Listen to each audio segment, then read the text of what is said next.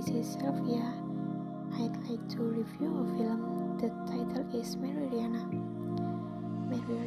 is a woman writer, young entrepreneur, and motivator who is successful and successful in achieving her career.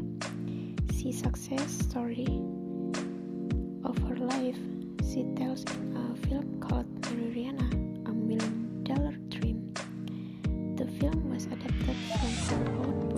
the same title. This film visualizes how she struggled to survive the difficulties of life she faced until finally she managed to achieve success.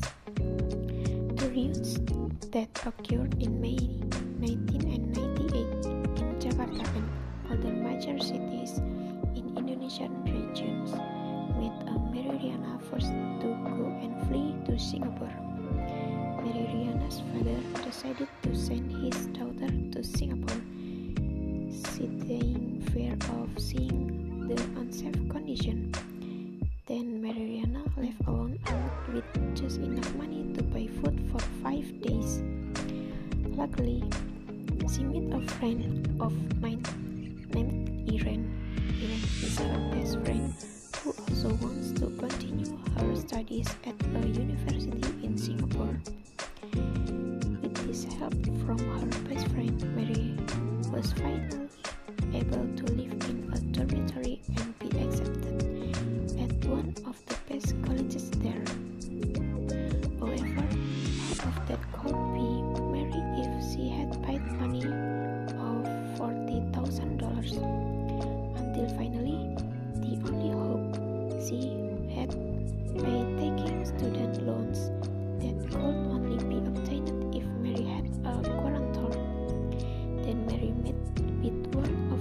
her seniors named Alva.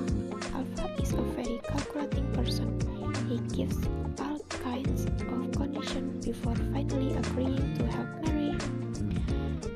He also told Merry to look for a part-time job and Merry realized that he had to success as soon as possible.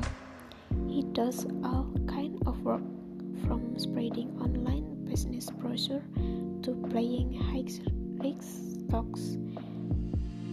The economic condition also fluctuates.